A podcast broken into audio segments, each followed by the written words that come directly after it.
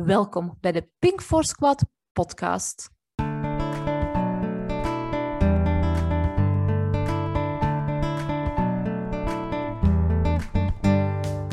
Hoi, ik ben Evie, een 38-jarige mama van Jonathan Alexander, vrouw van Gert en oprichter van Pink Force Events en Pink Force Coaching, overlever van kindermishandeling en daarnaast ben ik ook nog bezig om taboe-onderwerpen bespreekbaar te maken. Pink for Squad podcast ga ik dan ook met inspirerende gastsprekers rond de tafel zitten. Veel luisterplezier!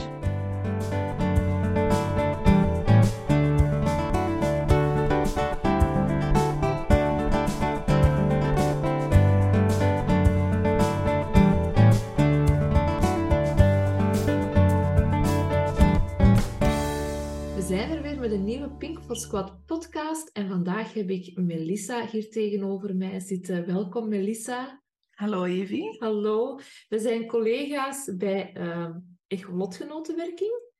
En ik denk dat ik toch wel voorzichtig mag stellen dat we toch ook vriendinnen aan het worden zijn. Ik voel dat toch ook zo aan, ja. Oké, oef. anders komen we misschien hier al stoppen. Ehm, maar vandaag gaan we het over ar- armoede hebben. Toch een Mhm. heel groot taboe-onderwerp, eh, denk ik. En ehm, ik heb een enige tijd geleden een oproep gedaan en jij hebt gezegd van ik wil daar wel met u over komen praten in de podcast. En voilà, hier zitten we. Ja, spannend. Ja, spannend, een beetje zenuwachtig. Een beetje wel, ja. Maar ik ook, omdat we elkaar toch Mhm. wel, eh, denk ik, redelijk goed beginnen te kennen. Maar ik wou een woordje zeggen of een zinnetje zeggen. Maar ik denk dat je dat misschien als quote bij hebt. dus ik ga dat niet zeggen. Ik ga dat niet zeggen. Maar voordat we verder gaan over het taboe-onderwerp armoede, zullen we gewoon daarmee van start gaan. Ik vraag aan iedereen om een quote mee te brengen. Heb je een quote meegenomen? Als het gaat over wat jij daarnet wou zeggen, dan ehm, ga je dat oké zijn. Klopt. Ik zeg dat superveel. Dat is al bijna een stopwoordje. Ehm, maar dat alles oké is. Alles is, mag zijn zoals het is. Ehm, dus ik denk dat dat momenteel wel mijn stopwoordje is. Ehm, als het echt gaat over armoede, dan denk ik wat ik belangrijk vind om te zeggen, of wat mensen moeten weten, is dat armoede bijna een, een fulltime job is. Dat is zeer vermoeiend. Ehm, en dat vraagt wel heel veel van een Ja. persoon. Goed, ik zou daar ineens inderdaad zo'n quote van Melissa van kunnen maken, van armoede is een fulltime job. Ik vind dat eigenlijk een hele mooie. Misschien kunnen we het daar ook gewoon eens over, eh, verder over hebben. Hè? Waarom vind jij dat armoede een eh, fulltime job is? Het is vermoeiend, hè? Als je moet denken, ehm, heb ik wel genoeg centjes om deze week eten te kopen? Ehm, kan ik dit wel doen? Kan ik dat wel doen? Ehm, kan ik mijn rekeningen wel betalen? Oei, ik sta twee maanden achter met het huisduur, drie maanden achter met een huisduur. Ehm, elke moment met het idee spelen van, oh, zelfs gaat de bel, staat er een deurwaarder aan de deur. Dat is... Je, je bent daar continu mee bezig. Als je in armoede leeft, is, is dat gewoon een thema dat continu door je hoofd spookt. Als je dan ook nog eens kinderen hebt, ja, dan maakt het dan eens zo vermoeiend. Wat hebben die kinderen wat ze moeten hebben? Ja. Ehm, je wilt die alles kunnen geven en dat gaat niet altijd. Dat moet natuurlijk ook niet altijd, maar je wilt dat wel graag. Ehm, ook schoolrekeningen. Oei, als ik die schoolrekening niet betaal, dan gaan ze dat op school te weten komen dat het moeilijk is. En dat, is toch wel, dat vraagt toch wel veel van een persoon. Ik kan me voorstellen dat mensen die in armoede leven, dat die er ook niet echt mee naar buiten komen. Dat ze dat ook nog zo goed mogelijk willen verstoppen. Ja, dat, dat dan een beetje zo stellen van, kijk, daarom is het een extra job, want je hebt je normaal tussen haakjes leven en dan ga je naar huis en dan word je geconfronteerd met de armoede. Tuurlijk, en dat is niet fijn om dat aan de buitenwereld te laten, eh, te laten weten.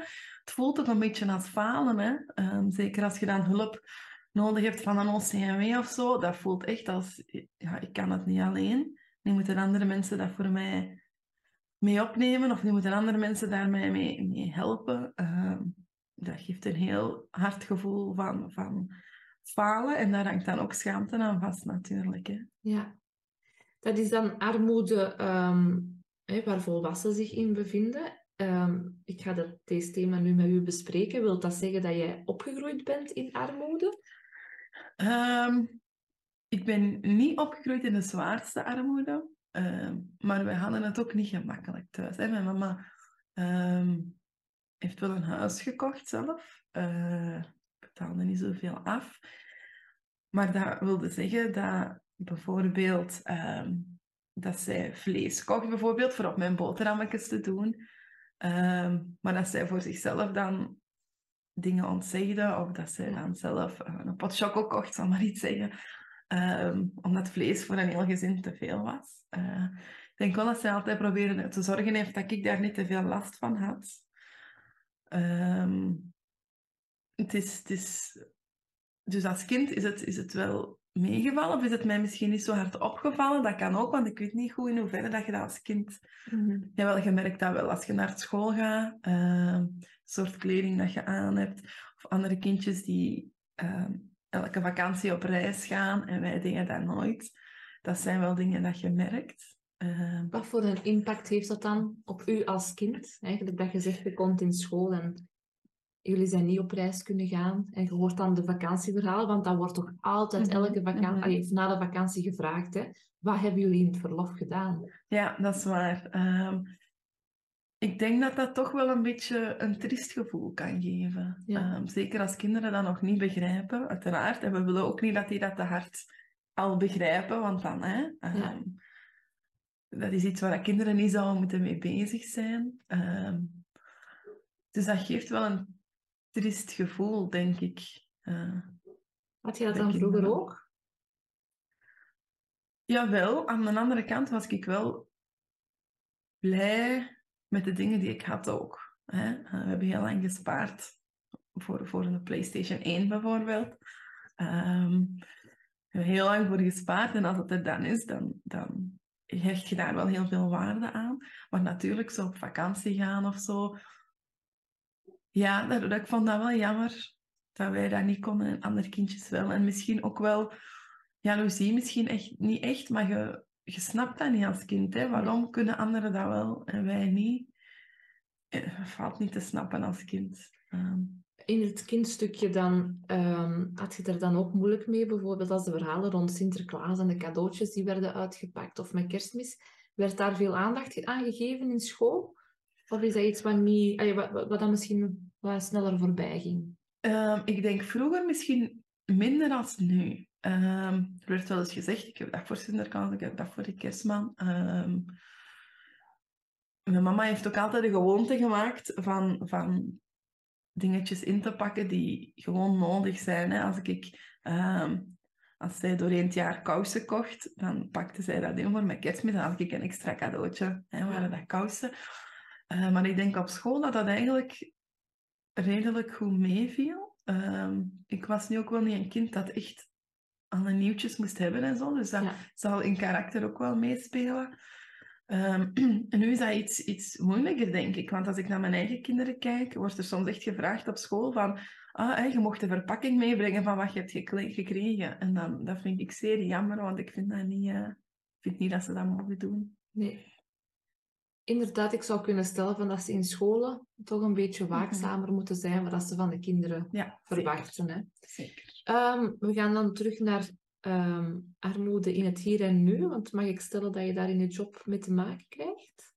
Ja, ik ben sociaal werker bij Kind en Gezin. Um, en het is dus mijn, mijn taak of mijn opdracht om te zorgen dat de gezinnen in mijn regio, of de kinderen in mijn regio, um, zoveel mogelijk ontwikkelingskansen krijgen. En ja, als mensen in armoede leven, dan zijn er gewoon een aantal kansen waar dat die kinderen iets minder aanspraak op kunnen maken. En dan is het mijn job om uit te zoeken hoe kunnen we die toch zo optimaal mogelijk gebruiken, die kansen.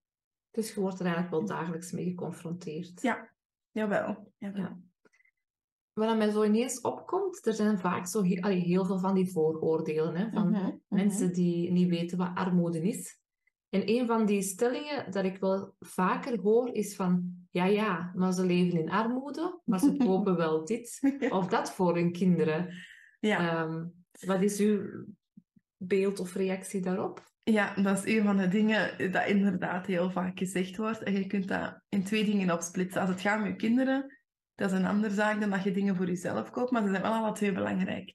Als je inderdaad in armoede leeft, maar je koopt wel dure dingen voor je kinderen, ja, dat is gewoon omdat jij wilt dat je kinderen mee kunnen met de rest. En ook de dingen dat je voor jezelf koopt. Hè. Je hoort dat wel eens vaak, ja, maar ze hebben wel een dure gsm. Hè? Ja. Zo'n dingen. Ehm, maar die dure gsm is ook van belang. Die is belangrijk omdat dat u een eh, eigenlijk bijna bestaansrecht in de maatschappij geeft. Die stomme gsm, die dat Ja. veel te duur is. En natuurlijk kun je een goedkopere kopen, maar dan kun je niet zo positioneren in de maatschappij. En het is dus nodig, dat is ook heel hard nodig voor jezelf, voor je eigen waarde, voor Ja. je bestaansrecht, dat je toch het gevoel hebt dat je kunt meedraaien dan Ja. in de maatschappij. En ik snap dat dat voor mensen dat daar niet in zitten moeilijk is om te begrijpen. Ehm, maar dat is echt wel een stukje dat moet meegenomen worden. Of voor, zelfs voor zelfvertrouwen en zo hè, is dat belangrijk. Ja. Wat zou je tegen mensen zeggen die daar zo de vooroordelen eh, over hebben? Want we leven in een maatschappij waar dat er constant heel veel vooroordelen zijn. Hè? En eh, ik zeg altijd, als je zelf niet in een situatie hebt gezeten of dat nooit zelf hebt gevoeld, eh, dan kun je daar niet over oordelen. Maar een oordeel is rap gemaakt natuurlijk. Dus welke boodschap heb je voor die mensen die graag bij een oordeel klaarstaan? Oordelen zullen ze inderdaad altijd hebben. Ehm, maar ja, het is een beetje een cliché, maar ja, loop eens in de voetsporen van die mensen. Hè. Probeer eens met 20 euro in de week rond te komen. Hè. Ik wil dat ze wel eens zien doen. Ehm, dus misschien moeten zij dan wel eens stilstaan bij hoe krachtig dat mensen in armoede wel niet zijn. In plaats van te oordelen over jammer, jammer, jammer dit, jammer dat. Eh, Ja. ja. Als je spreekt over de kracht van mensen die in armoede leven, ehm, zonder in detail te treden en zonder heel persoonlijke verhalen eh, te delen van, van, van de mensen waar je mee eh, samenwerkt. Ehm, maar is er iets wat typeert in die kracht, wat je heel vaak terugziet dat een gemeenschappelijke factor is bij mensen die armoede meemaken? Ik denk dat dat mensen zijn die ehm, moedig zijn. Ehm, hè, stel nu een OCMW binnenstappen, dat is echt niet zo evident. Hè? Dus je moet heel veel moed hebben Mhm. om daar binnen te komen, om daar een afspraak te maken, om elke keer op je afspraak te zijn. Hè? Als je een OCMW binnenstapt, dat hangt natuurlijk van gemeente tot gemeente af. Ik weet, als ik een OCMW binnenstapte, in Herentals viel dat mee. In Merksplas is dat op de markt, over de school van mijn kinderen, over de gemeente, het gemeentehuis, over de bibliotheek. Hè? Ehm, dus iedereen ziet dat jij daar binnenstapt. Je moet heel wat moed hebben om dat te doen. Dus ik denk dat dat enorm moedige personen zijn. Ik deel die mening. ik, ehm, ik heb zelf ehm, inderdaad een, een, een heel klein stuk van mijn leven in armoede geleefd. Vooral toen dat ik ben moeten vluchten Mhm. met mijn zoon. En ehm, ik kan me dat niet voorstellen als ik dat voor de rest of zoveel jaren, tientallen jaren, want vaak is dat toch Mhm, met gezinnen die daar niet echt gemakkelijk uit geraken. Dus ik kan het me zelfs niet voorstellen wat het voor die mensen moet doen. Dat je jaren uitzichtloos naar de situatie moet kijken.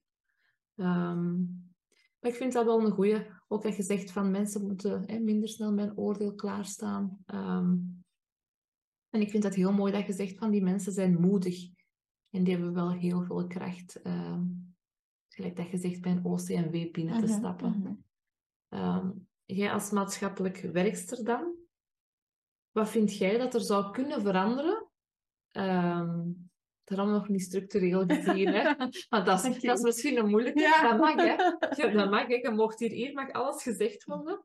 Maar wat zijn zo kleine punten in de maatschappij, of dat wij als mens zouden kunnen veranderen of anders aanpakken, zodat die mensen toch ook hun plek krijgen in de maatschappij? Mhm. Want daar draait het toch om, denk ik. Jawel, jawel, zeker. Dat is een moeilijke vraag. Hè? Ja, dat is... eh, Ehm, ik zou sowieso daar sensitief voor, of je vragen dat je daar sensitief mee omgaat, dat je daar sensitief voor bent. En dat kan met heel veel kleine dingetjes. En ik denk dat gemeentes bij elkaar eens moeten gaan kijken, want er zijn wel initiatieven of er worden wel dingen gedaan. En dat kunnen kleine, stomme dingetjes, allee, stomme dingetjes. Hè? Bijvoorbeeld, ik weet, en ik, ik overcompenseer met mijn kinderen, hè? dat is gewoon zo. Hè? Ehm, dus ik koop die elk jaar een nieuwe boekentas. Maar die andere boekentas is niet altijd versleten. Hè. Ehm, die kan ook wel een paar rondes mee. Als ze dan bijvoorbeeld op elke school een kast installeren waar die oude boekentassen gratis gedoneerd kunnen worden, waar mensen gewoon gratis een boekentas kunnen gaan. Zo echt kleine dingetjes. Ehm, en ik denk dat het dan belangrijk is dat, stel je hebt zo'n kast met boekentassen, dat dat niet enkel is voor mensen in armoede, hè, want dan wordt er weer gestigmatiseerd, want ja, wie durft daar dan een gaan uithalen? Maar dat dat voor iedereen is. Vroeger was dat met kringloopwinkels ook. Hè. Dat is voor mensen die het hè, financieel moeilijk hebben. We zien daar een beweging in, want nu komen ook mensen die het financieel prima hebben, ja. in de kringwinkel iets kopen. En dan valt het niet zo op wie leeft er nu in armoede en wie niet. Ik denk dat dat wel een uh, belangrijke beweging zou kunnen zijn. Meer uh, inzetten op het herbruiken van spullen die nog perfect bruikbaar zijn. En, uh, bijvoorbeeld. En er inderdaad dan geen stempel op plakken. Het is nee. enkel voor de mensen nee. die... Want dat is ook een moeilijke. Hè? We, we zien dat mm -hmm. als, we, als we voor echo bezig zijn, mm -hmm. dan spreken we ook van dat we zelf onze situaties gaan minimaliseren. Ik veronderstel dat dat voor mensen in armoede Mhm. net hetzelfde is. Tuurlijk. En, en je denkt van, ah ja, ah ja oké, ik kan één rekening niet betalen. ik zal dat volgende maand wel doen. En volgende maand lukt het dan ook niet. En dan komt er een tweede rekening dat je niet kunt betalen. En dat stapelt zo, zo snel op. En, en als er dan een moment komt dat er bijvoorbeeld deurwaarders aan de deur staan, dan denk je, oké, maar nu kan ik, hè, kan ik zeker een afbetalingsplan maken. En je maakt een afbetalingsplan voor al die achterstallige rekeningen. Met als gevolg dat je eigenlijk, doordat het zoveel verschillende zijn, dat je die allemaal eigenlijk, dat je daar ook niet mee komt. Hè? Want dat je dan andere dingen weer niet kunt betalen en dan kom je achter met je huur. En, dus dat stapelt super, uh, stapelt super snel op. Ik Is weet dan- niet meer wat uw vraag was. Ik weet ze zelf al niet meer. Dus, eh, maar je zou dan ook kunnen stellen van, kijk, hè, dat, ehm, er komen rekeningen binnen, je kunt die niet betalen. Zou jij dan zeggen van, kijk, bel, bel meteen naar die instanties om eh, een afbetalingsplan dan al op te maken of een uitstel te vragen of ehm, iets, in plaats van het weg te kijken? Want dat is wat ik wel heel vaak ook gehoord heb. Dat is waar. Ehm, dat mensen dan even hun, hun bril opzetten en zeggen van ik steek het even weg en er niet meer naar kijken, want dan stelt het probleem zich niet. Ehm, in plaats van meteen te zeggen van ja, kijk, ik ga rondbellen en ik ga meteen zeggen dat ik het niet kan betalen. Tuurlijk, dat is een stukje vermijdingsgedrag. Hè? Ja. Hey, ehm, en het zou ideaal zijn dat je inderdaad, als je een rekening niet kunt betalen, dat je ineens ofwel naar de ehm, eiser belt om te vragen. Hè? Maar als dat te moeilijk is, dat je toch een OCME of zo vraagt om even te helpen. Ehm, zou ideaal zijn. Maar dat, mensen gaan zich dat pas op tijd doen en gaan zich daar pas comfortabel bij voelen als er geen taboe niet meer rondhangt. Hè? Dus dat Ja. hangt een beetje samen. Hè? Mensen weten misschien soms wel dat ze dat moeten doen, maar die stap is gewoon nog altijd veel te groot Ja, om te doen. omdat dat taboe er nog... Ja, omdat ze zich schamen. Ja. Ik zou zelfs durven stellen dat we toch in een periode zitten waar dat er nog meer armoede is dan voorheen. Ik denk dat het de komende maanden nog erger gaat worden zelfs. Ehm, als ik gisteren op het nieuws zag, was er sprake dat er, dat er veel meer budgetmeters worden geplaatst nu, ehm, voor elektriciteit bijvoorbeeld. Oké. Ehm, ja, natuurlijk is dat, hè. Allee, mensen betalen 500 euro aan elektriciteit en gas. Wie kan dat betalen bovenop Ja. hè, dit en dat en zus en zo? Ehm, dus ik denk dat we de komende maanden echt nog wel mogen verwachten dat dat terug gaat stijgen of nog gaat stijgen. Ik heb altijd zo het idee van dat mensen zeggen van armoede, goh, dat overkomt alleen maar die mensen. Hè? Dat is iets wat je heel vaak hoort. Hè? In mijn mening kan iedereen in armoede terechtkomen ehm, door tegenslagen. Mhm. Ehm, ja, hoe is uw kijk daarop? Ja, dat is, hè. je hebt een beetje ehm, van generatie op generatie. Dat kan perfect, hè. Maar dat kan ook zijn, als het van generatie op generatie is, dat iemand die cirkel wel even doorbreekt. Hè. Maar het is inderdaad, als je zo bent opgegroeid en je weet niet hoe, je weet niet wat, je weet niet waar, dan is de kans groot dat je daar blijft inzitten. Maar het is zeker niet dat dat enkel van generatie op generatie gaat. Hè. Als je getrouwd bent en je man komt te sterven, je komt er alleen aan voor te staan als vrouw, ehm, ook dan zit je daar eigenlijk vrij snel in, in die, in die armoede. Plus, dan heb je een bepaalde standaard. Hè? Dus je leeft op, aan bepaalde normen, je hebt bepaalde gewoontes. Hè? En dan ga je ineens je moeten aanpassen. Ook dat is, is ehm, iets wat ermee voor gaat zorgen dat je misschien in die armoede terechtkomt. Hè? Dat je er financieel wel komt, maar door je gewoontes dat je hebt. Hè? Je bent gewoon van kinderen, alle hobby's van de kinderen. Hè? Elke kind doet drie hobby's. Ehm, eten dat je koopt, uh, waar je eigenlijk nooit niet kijkt naar de prijs. Hè? Je laat je winkelkar maar vol. Ja, dat zijn ook dingen die ervoor kunnen zorgen dat je gewoon op het einde van de maand bepaalde rekeningen niet meer kunt betalen. En als je dan een goede spaarpot hebt, is dat allemaal goed. Um... Het heeft invloed, op heel veel factoren, hè? want um, gezond eten bijvoorbeeld. Zeker. Is duur. Ja. Jammer. Ja. Ik vind dat heel jammer, want dat brengt dan ook weer op termijn andere problemen Mhm, met zich mee, mhm. ehm, naar de gezondheid toe, wat dan ook weer handenvol geld kost. Ja, zeker. Als je kijkt in een winkel, een pot ravioli uit een blikje, daar heb je... Dat is voor mensen in armoede een volwaardige maaltijd. Hè? Ja. Ehm, dat is goedkoop.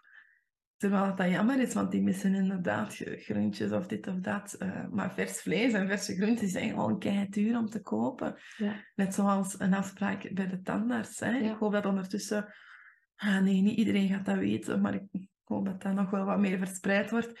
Tandarts voor kinderen is gratis. Ja. Hè?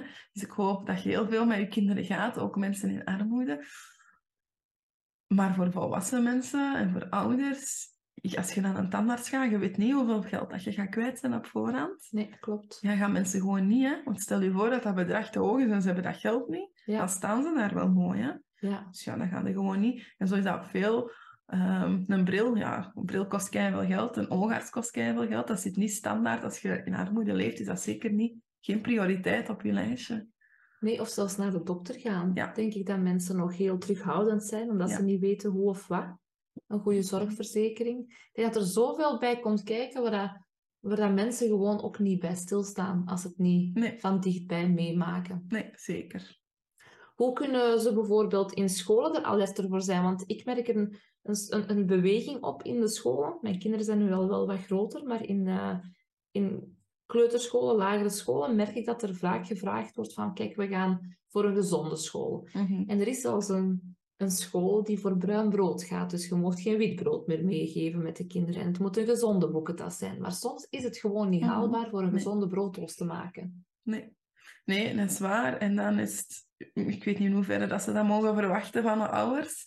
Maar ik denk dat scholen moeten inzetten. Ik denk heel de maatschappij dat moet inzetten op veel meer ervaringsdeskundigheid. Ja. Dat ze in elke school een aanspreekpunt hebben die, van mensen die leven in armoede. En dat ze daar even gaan aftoetsen van hoe kunnen we dat haalbaar maken voor iedereen en hoe kan ehm, ja, kunnen we zorgen dat alle kindjes hebben wat ze moeten hebben, maar dat er niet te veel uitsluiting is en dat die ouders zich niet in weet ik veel hoeveel bochten moeten wringen om dat toch gedaan te krijgen. Ik denk dat ze vooral moeten horen naar mensen die die ervaringen hebben.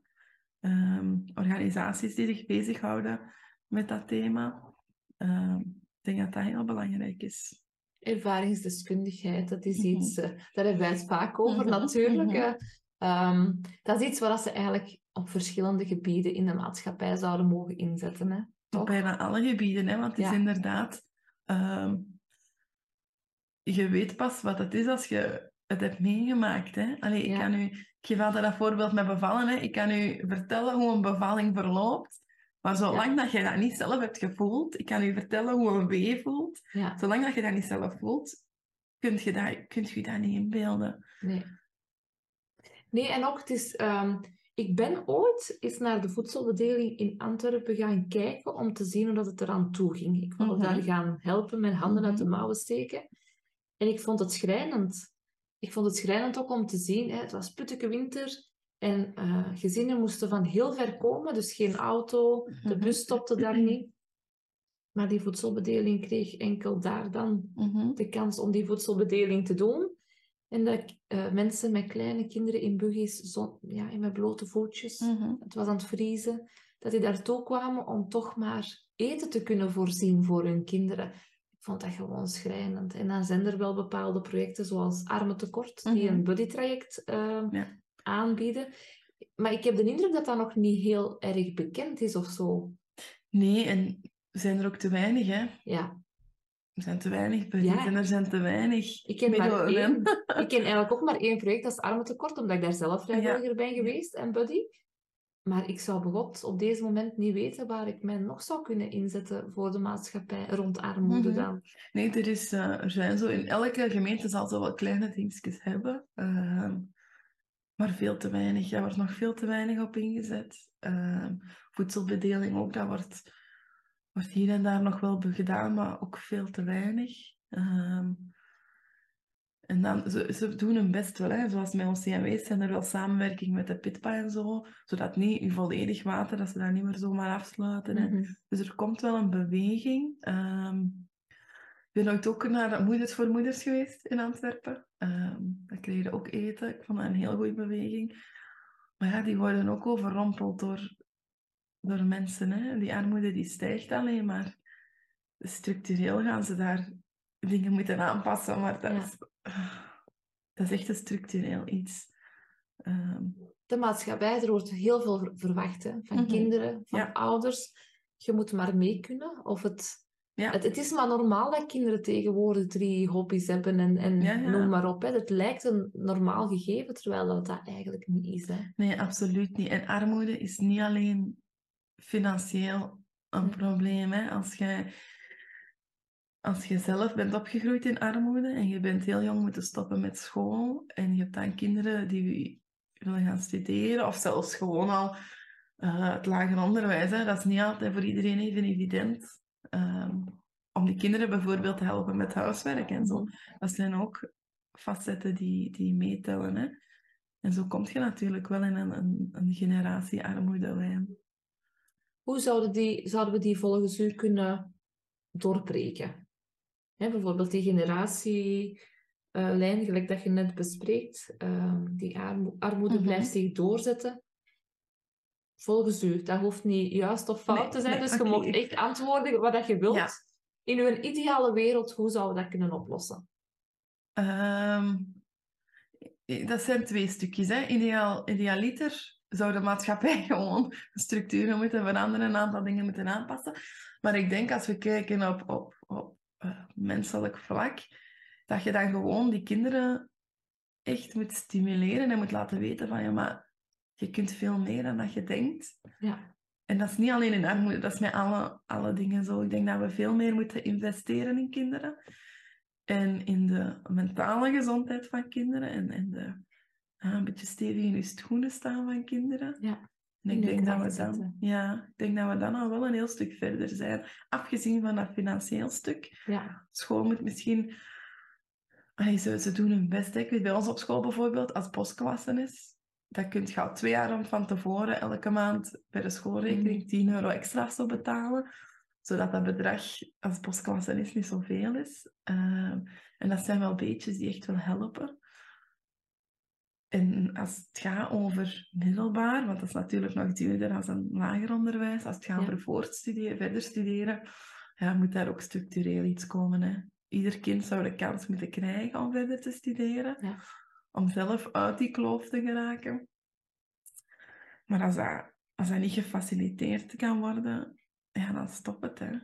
Zelfs hogescholen en universiteiten, hè, want tegenwoordig, wat ben, wat ben je tegenwoordig nog met een diploma, middelbaar onderwijs? Ja, ik weet het. Niks zet terwijl er veel, heel veel, en dan, dan komt mijn ding weer naar boven drijven. Ik, ik vind dat heel veel kinderen, mensen heel veel talent hebben, Mhm. maar dat daar niet genoeg wordt op ingezet, omdat Ja. er net dat diploma mist, omdat ze die kans niet hebben gehad om verder te studeren. Eh, omdat er van thuis uit misschien niet genoeg kracht was om dat aan de kinderen door te geven. Dus ik, eh, ik ben helemaal akkoord dat we daar moeten op inzetten. Ik zie ook dat we weer al bijna een half uur aan het Oh. Ik ga vooruit, hè? Ja. Dat hadden niet verwacht. Nee? maar dat is goed. Dat is goed. Ehm, welke boodschap, dat vraag ik altijd op het einde van een podcast, welke boodschap ehm, wilt jij nog meegeven waarvan dat je denkt van kijk, dat moet gewoon iedereen weten. Vooral de mensen die nog nooit met armoede te maken hebben gehad. Ehm, dat is een goede vraag. Ik denk vooral ehm, gewoon globaal naar iedereen toe. Laat die op tijd helpen, maar ook help elkaar. Gewoon Ja. leer, u, leer de mensen om u kennen. Geef ze de mogelijkheid om zich te laten kennen. En help elkaar een beetje. Dat is mooi, vind ik een heel mooi. Maar ik wou nog een vraag stellen, want anders zou ik zeggen, dat is een heel mooie Ja. boodschap voor uh, Maar ik zet er nog niet vanaf. Ik, ik ga nog een vraag stellen. Welke boodschap wilt je aan de mensen in armoede nog meegeven? Ehm, ook laat u helpen. Hè? Zeker Ja. laat u helpen. Ehm, het is moeilijk, ik weet dat het moeilijk is. Ehm, maar mensen zijn van nature wel een overlever. Dus je komt er wel. Geloof in jezelf. En weet dat het beter gaat worden. En er is altijd wel één persoon die uiteindelijk zal opstaan om de juiste hulp te bieden. Klopt. Dat denk ik dan toch. Voilà. Ik Laat ga ons daarvan hopen. uit. Voilà, ik vond het... eh, we zouden hier eigenlijk nog uren Klopt. over kunnen praten, want het is een heel groot probleem. Mhm. Eh, dus, jij maakt het van dichtbij mee. Ik heb het eh, van dichtbij ook al gezien. Dus het is een groot probleem. Ehm, maar ja, ik denk niet dat we eens aan de alarmbel kunnen gaan trekken bij onze ministers en whatever. Nee, we proberen dat. Hè. En ik weet, hè, binnen Kind en Gezin ehm, zijn wij verplicht om kansarmoedecijfers op te maken. Hè. Dus bij elk gezin dat wij komen, maken wij een, een analyse. Ehm, en dat is hopelijk al wel een signaal. Maar er moet inderdaad structureel. Er moet nog veel Veranderen, veranderen. ja. Ik wil aan eh, de luisteraars nog meegeven van kijk, armentekort, dat is nu omdat ik dat zelf eh, buddy ben geweest, maar ik weet niet dat er nog andere organisaties zijn die zoiets doen. Ehm, Er zijn goede organisaties. In heb je bijvoorbeeld ons huis. Hè. Daar mogen ook armen aan het woord. Daar nemen ze armen mee naar Brussel. Om daar op beleidsniveau echt die Mhm. ervaringsdeskundigheid in te zetten. Eh, en waarschijnlijk heb je zo in el- elk dorp wel iets. ehm, maar te weinig nog. ja, Maar er zijn er misschien niet toegankelijk of zo. Nog niet, of niet genoeg. Waarschijnlijk. Ja. Dan kan ik nu vooral allee, vanuit mijn ervaring maar zeggen van kijk, eh, wil je toch een steentje bijdragen aan de maatschappij? Ehm, word buddy. van een kansarme persoon of gezin of whatever. En dat vraagt gewoon een heel klein beetje van uw tijd. Meer is Mhm. dat niet. Eh, we gaan gre- geen grote dingen moeten oplossen, maar er gewoon zijn voor elkaar. Ik denk dat dat een mooie boodschap is van hè, help Zeker. elkaar. Voilà, vind ik heel mooi om mij af te sluiten. Ik wil u heel hard bedanken dat jij eh, met mij hier, hierover in gesprek wou. Ik vond het heel fijn. Graag gedaan. Ik heb dat keigoed gedaan. Dankjewel. Ehm, en wie weet, ik denk dat, wij nog, dat er nog veel taboe-onderwerpen zijn die wij samen zouden kunnen bespreken. Dus als je nog eens een keertje wilt terugkomen in de Pink for Spot podcast, graag. Dat is oké. Dat is oké. Daar sluiten we mee af. Voilà, tot een volgende keer. Tot een volgende Pink for Spot podcast.